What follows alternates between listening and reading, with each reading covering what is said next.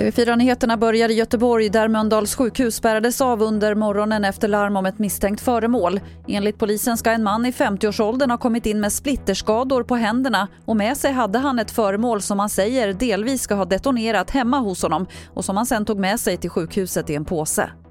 Så till USA där det var debatt mellan vicepresidentkandidaterna Kamala Harris och Mike Pence i natt. Så här säger TV4 Nyheternas korrespondent Stefan Borg om debatten. Jag tror att Kamala Harris hade en lättare uppgift eftersom hon och Joe Biden är mer samkörda och, och eh, Mike Pence har ju en svårare uppgift när han då ska eh, svara eller försvara sånt som Donald Trump har sagt som, som kanske är, ibland är dåligt underbyggt eller ganska kontroversiellt och därigenom så hade, hade definitivt Mike Pence en svårare uppgift. Och mer från debatten finns på tv4play.se.